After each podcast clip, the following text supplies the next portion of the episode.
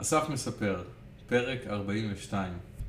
זה ממש מרגש, אנחנו קרובים לסיום הספר, סיום הפודקאסט. רצינו לכתוב ספר במשך שנה שלמה, פרק פעם אחת כל שבוע. יש בשנה 52 שבועות, מה שאומר 52 פרקים, וכרגע אנחנו כותבים את פרק 42. אני מרגיש גאה בזיו וגם בעצמי. גאה בזיו כי נראה שהוא מתקדם, כל פעם עולה עוד רמה למעלה בהבנה שלו, בעשייה שלו, בבגרות. משקיע יותר ברצינות בהרכב שלו, בבקשות למענקים כדי להתחיל תואר שני, בעשייה מחזורית לאורך זמן. ואני גאה בעצמי. השיעור לעצמי זה גם ההתמדה מבחינת העשייה, פגישה כל שבוע. לפעמים מרגישים שאין התקדמות או אפילו חוזרים אחורה, אבל כל פעם מצליחים להגיע לעוד הישג, לעוד הבנה, לעוד שיעור לחיים, ומצליחים לחלחל עמוק יותר. ההתקדמות לדעתי נראית יותר כמו גרף של מניות, עלייה לאורך זמן באופן כללי, אבל ירידות ועליות נקודתיות תוך כדי. זה קל לשכוח את המוטיבציה כשאנחנו מרגישים בתחתית. דבר שני, זה מזכיר לי ששינוי לוקח זמן. עשרה חודשים בינתיים מאז שהתחלנו לעבוד ביחד. מצד אחד אני חושב על זה, שינוי עזק, ענק בזיו מבחינת הבגרות שלו, ההבנה והעשייה. מצד שני, זאת רק ההתחלה ויש עוד הרבה לאן להתקדם. אני מרגיש שעשינו ביחד הרבה והגענו להישגים מעולים, למרות שהיו תקופות מתסכלות. זה מחזיר אותי לנקודה שוב ושוב, עשייה חוזרת לאורך זמן. זה המפתח. הרבה אנשים מתייאשים מהר מדי. גרף ההתקדמות, כמו שאמרתי מקודם, נראה ככה, קצת יותר פירוט. מתחילים, מרגישים עלייה, ואז אומרים איזה כיף.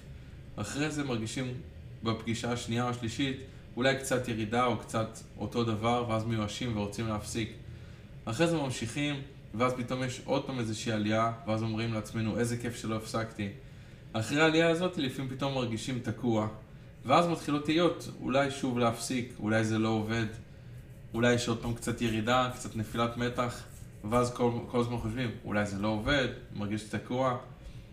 אחרי זה ממשיכים, פשוט ממשיכים ואומרים לעצמנו, אני אמשיך לפעול ודברים יתקדמו. לתת להם את הזמן שלהם. אחרי זה, גם אם הדברים קצת יורדים, או הדברים נשארים אותו דבר, בגלל שכבר חווינו איזושהי התקדמות לאורך הזמן, אז אנחנו מבינים שאנחנו תקועים אולי, אבל כבר יודעים שצריך להמשיך, ועם הזמן הדברים עוד פעם יעלו, אוקיי? ואחרי זה הם ממשיכים ככה לעלות ולרדת ולעלות ולרדת, ויש תקופות יותר טובות, יש תקופות שקצת יורדים, יש תקופות שיש פה יותר מוטיבציה, פחות מוטיבציה, אבל אם מסתכלים על הגרף באופן כללי, וכל הזמן עושים עשייה מחזורית, וכל הזמן משתדלים, וכל הזמן מנסים, וכל הזמן באים רעיונות חדשים, וכל הזמן ממשיכים בעשייה, אז בסוף הגרף הוא כל הזמן עולה. וצריך לזכור את זה. עוד פעם, לפעמים יש ירידות, לפעמים יש הרגשה דברים תקועים, בטווח הארוך יש עלייה. מין מחזוריות כזאת של עשייה, למידה, מחשבה, עשייה, מחשבה, עשייה, התקדמות, עשייה, נפילה, עשייה, למידה, חשיבה, עשייה, צבירת ניסיון, עשייה, נפילה וכן הלאה. בסופו של דבר, מתקדמים.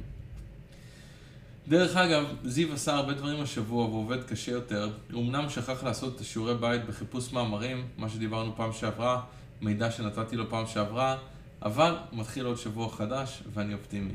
אז נתראה בשבוע הבא.